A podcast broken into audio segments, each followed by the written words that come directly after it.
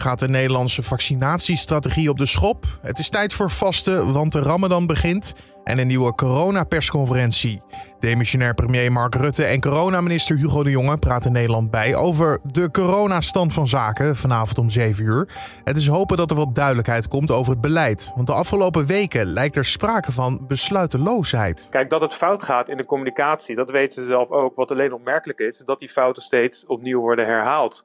En dat ze ja, kennelijk toch niet leren van van de, van de eerder gemaakte fouten. Politiek verslaggever Eda van der Groot is dat. Straks meer met hem over de persconferentie van vanavond en wat we allemaal ja, kunnen verwachten en niet kunnen verwachten.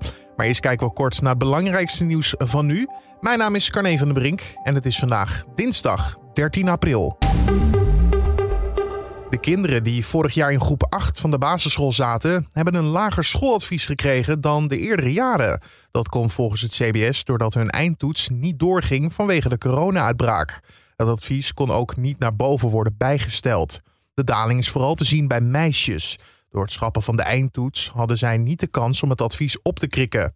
Verder, hoe lager het inkomen van de ouders is, hoe lager ook het gemiddelde advies van de kinderen. Zo concludeert het CBS. Het aantal zelfgemaakte zware explosieven in Nederland is in een jaar tijd bijna verdrievoudigd. Dat zegt het Nederlands Forensisch Instituut in het NRC. Vorig jaar kwam de politie en het Openbaar Ministerie met 31 zaken van bommen die zelf gemaakt waren. Volgens het Forensisch Instituut is het een schrikbarende toename. Het past wel in het beeld van de toename van zware misdaad en ondermijning in ons land. De explosieven worden vooral door de georganiseerde misdaad gebruikt voor bedreigingen, afrekeningen en aanslagen. Japan wil radioactief water over twee jaar in zee loodsen. Het gaat om meer dan 1 miljoen ton water, afkomstig uit de kerncentrale van Fukushima. Het water is gebruikt om de reactoren van de kerncentrale af te koelen. Het lozen van het water is een flinke domper voor de lokale vissers, die al jaren strijden tegen dit plan. Ook milieuorganisaties zijn bezorgd. Volgens de regering is dit echter de beste optie. De verwachting is dat het werk tientallen jaren in beslag gaat nemen.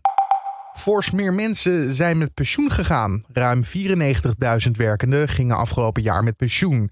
Dat is 30% meer dan in de twee jaren daarvoor. Daarnaast is de gemiddelde leeftijd waarop mensen stopten gestegen naar 65 jaar en 6 maanden. Dat blijkt uit cijfers van het CBS. De coronacrisis heeft mogelijk effect gehad op het aantal mensen dat met pensioen gingen. Maar dat was waarschijnlijk niet de belangrijkste factor. Vermoedelijk heeft het niet verhogen van de AOW-leeftijd in 2020 het grootste effect gehad. En in de zorg gingen verreweg de meeste mensen met pensioen. Gaan we nou wel of niet versoepelen? Het leek zo mooi, de terrassen weer open, zo halverwege april. Toch bleek al snel dat dat niet zou gebeuren. De situatie laat het gewoon nog niet toe. Geen versoepelingen dus. Althans, nog niet in ieder geval. De lekken die vooraf naar buiten komen zijn natuurlijk geen absolute zekerheid. Daarvoor moeten we nog even tot vanavond wachten. Dan zullen demissionair premier Rutte en coronaminister De Jonge het land weer toespreken over de stand van zaken wat betreft het coronavirus.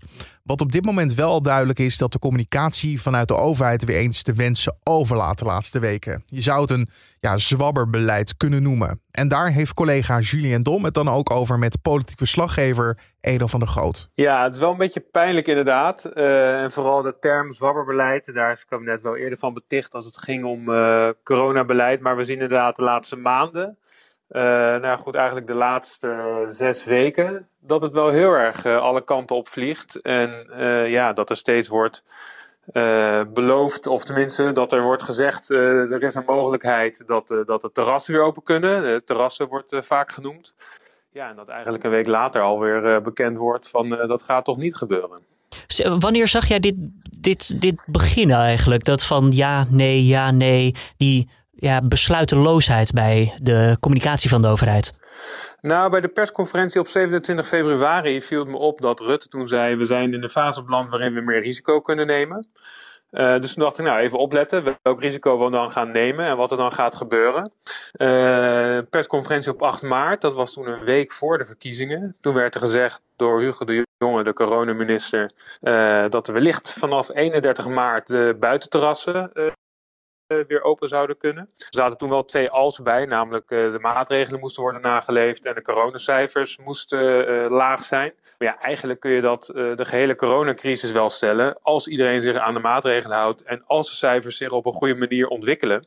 ja, dan kun je van alles opengooien. Dat geldt eigenlijk altijd. Maar nu werd dat opeens werd het zo letterlijk gezegd. En ja, 22, 23 maart, dat was toen twee weken later. Uh, bleek eigenlijk alweer dat het uh, toch niet het geval was. Dus de terrassen konden toch niet open. Uh, nou goed, wat we, de, wat we toen in twee weken tijd zagen, hebben we eigenlijk nu in één week tijd gezien. er werd eerst gezegd, RTL Nieuws kwam met het bericht, de terrassen kunnen open en de horeca. Of de avondklok, die gaat er vanaf per 21 april. Ja, die zou geschrapt worden mogelijk. Ja, en een week later was het alweer zo van, nou ja, dat, dat gaat waarschijnlijk in ieder geval nog niet per 21 april gebeuren. Maar misschien wel per 28 april. Nou ja, volg jij het nog? Nou, ik, ik, doe mijn best uh, en ik werk in de media. Dus uh, je zou zeggen van nou, dan zou je het toch weten. Maar ja, af en toe, ik heb geen idee meer wat ik nou moet geloven. Laat staan, dit was dan weer een lek en dan weer een persconferentie. Nou, vanavond kunnen, krijgen we dus zo'n persconferentie. Heb jij op dit moment enig idee wat ze dus gaan vertellen vanavond? Nou, waarschijnlijk is het wel zo dat uh, de. Zullen ze sowieso hier aandacht aan besteden, bedoel ik? Nou, kijk, waarschijnlijk wordt het wel bekend dat er, dat er geen versoepelingen worden aangekondigd per 21 april. Uh, grappig genoeg is dat dan wel bevestigd uh, na zo'n katshuisberaad op, uh, van afgelopen zondag. want normaal worden dat, dat soort zaken inderdaad naar buiten gelekt. Het is, wel zo dat het vaak actief wordt gelekt. Hè? Dus bij RTL Nieuws zag je ook, of kon je ook lezen, dat melden Haagse bronnen aan RTL Nieuws. Ja, dat betekent dus dat je daar niet toevallig tegen loopt of dat dat uh, heel ingewikkeld is. Maar hè, het kabinet wil ook wel dat dit naar buiten komt op die manier. Dat, zijn gewoon strategische plannetjes. Ik bedoel, dat, dat gebeurt regelmatig in Den Haag. Dat is, uh, dat is verder prima. Het opmerkelijke is alleen dat je daarna ziet uh, dat zo'n. ja, de aankondiging eigenlijk gelijk weer wordt ingetrokken. Of dat in ieder geval kabinetsleden zelf, zoals Hugo de Jonge, uh, de verwachtingen toch gelijk weer temperen. Ja, daar zal natuurlijk ook wel over gaan vanavond. Uh, dat die maatregelen niet versoepeld kunnen worden. En gek genoeg eigenlijk uh, maakt het kabinet precies weer dezelfde fout door opnieuw met een datum te komen. Ja, we moeten nog maar zien of het 28 april wel lukt. Is zo'n datum dan iets wat voor het kabinet belangrijk is om te kunnen melden? Zo'n zo'n lichtpuntje aan, aan het eind van de tunnel, ondanks dat ze het steeds niet waarmaken? Ja, ze willen wellicht toch steeds uh, ja, iets voorhouden aan, uh, aan de mensen om te zeggen van het komt echt wel goed en we, we komen hier echt wel uit en uh, er komt een dag dat we een biertje kunnen drinken op het terras. Het probleem is natuurlijk wel, en ik heb ook hierover gesproken met communicatie-experts, als je steeds iets belooft en je komt er niet na, ja, dan gaan mensen natuurlijk steeds minder waarde hechten aan, aan de boodschap. Precies. Ja, dan kun je, je kunt je voorstellen dat je daar een beetje cynisch van wordt. En dat, ja, dat je simpelweg niet meer gelooft wat er nou komt. Um, ja, ik, ik, vroeg eind uh, februari vroeg ik uh, de premier en uh, Hugo de Jonge vroeg ik van is het nou die tijd om echt perspectief te bieden zoals we dat bijvoorbeeld zien in het Verenigd Koninkrijk dat je veel meer stuurt op datum in plaats van data uh, zoals Boris Johnson, de premier van het Verenigd Koninkrijk, dat, uh, dat zegt. Dus dat je veel meer kijkt nou, we verwachten dat we dan zoveel mensen hebben gevaccineerd en dat je wat grotere stappen neemt uh, om versoepelingen aan te kondigen. Dat is ook in het Verenigd Koninkrijk. Kijken ze om de vijf weken ongeveer. Wat is mogelijk? En we zitten nu steeds in de korte periode. nou, kwestie van weken wordt er steeds vooruitgekeken. maar goed, het kabinet moet daar steeds op terugkomen. Dus misschien moeten ze iets grotere stappen nemen, waarin ze misschien wel uh, wat meer zekerheid kunnen bieden. Nou hoorde je dat van, eh, dat, tenminste dat heb je gevraagd aan een communicatie-expert, maar in de wandelgangen daar in Den Haag, van de mensen die bij de politieke partijen horen, mensen die misschien eh, bij het demissionaire kabinet horen, hoor je daar wel eens iets over, ja hadden we beter niet kunnen doen of shit, wat hebben we dit nog weer vreselijk aangepakt? Nee, dat, uh, dat, dat heb ik niet in die, uh, in die mate zo gehoord. Ja, kijk, dat ze het niet goed hebben aangepakt is op zich ook helemaal geen geheim. Dat, uh, dat erkent premier Rutte zelf af en toe ook. Hè? en, en, en de jongen zelf ook. Die communicatie-experts waar, waar we net over hadden, die hadden afgelopen najaar het kabinet ook geadviseerd. en op basis daarvan had Rutte ook wel weer gezegd van ja het is ook lastig en we doen ook niet alles goed. Dus kijk, dat het fout gaat in de communicatie, dat weten ze zelf ook. Wat alleen opmerkelijk is, dat die fouten steeds opnieuw worden herhaald. En dat ze ja, kennelijk toch niet leren van, van, de, van de eerder gemaakte fouten. Zou de druk vanuit de verschillende sectoren dan misschien ook gewoon te hoog zijn voor het kabinet? Eh, dat ze zich bijna wel verplicht voelen om ja, te komen met zulke ja, niet haalbare uh, punten. Dan wel terrassen open, terwijl de cijfers nog relatief hoog zijn. Ja, nou ja, goed. Als dat zo is, als ze zich laten leiden door uh, belangenorganisaties, uh, ja, wie, wie, wie, stel je dan tevreden in dit geval? Als je eerst uh, iets, iets belooft en daarna daar alweer op moet terugkomen. Kijk, elke belangenorganisatie heeft wel natuurlijk een eigen deelbelang, logisch, daarom zijn het belangenorganisaties. Maar die spreken elkaar natuurlijk ook tegen. De, de belangenorganisatie van de uh, IC-afdelingen, intensive care afdelingen, uh, staat natuurlijk lijnrecht tegenover de belangenorganisatie van de horeca. Uh, die juist weer meer mensen wil toelaten. dus ik, ik, denk niet dat het kabinet daar alleen maar mee bezig is. Je ziet wel dat de reacties wel behoorlijk chagrijnig zijn steeds als er weer iets wordt aangekondigd. en dat dat later weer wordt teruggedraaid. dus in eerste instantie zag je na die versoepelingen dat per 21 april uh, werd er al gelijk gewaarschuwd van ja, de, de, de IC-capaciteit dreigt over te lopen. En we moeten opschalen bij de IC-afdelingen. Uh, en dat gaat ten koste van de reguliere zorg. Dus ja, je ziet wel gelijk dat het chagrijn toeslaat, ook als het de andere kant op gaat. Dus als er weer wordt gezegd, de terrassen gaan toch niet open, dan zie je gelijk de burgemeesters van de vier grote steden zeggen van ja jongens, we hebben toch een beetje versoepelingen nodig, want anders kunnen we dat niet meer handhaven. Dus ja, dat je, je houdt hier niemand tevreden, maar dat weet het kabinet denk ik zelf ook wel. Voor jou, Edo, als journalist, wat vind jij vanavond bij de persconferentie het belangrijkste? De manier waarop de boodschap wordt gebracht of wat die boodschap is?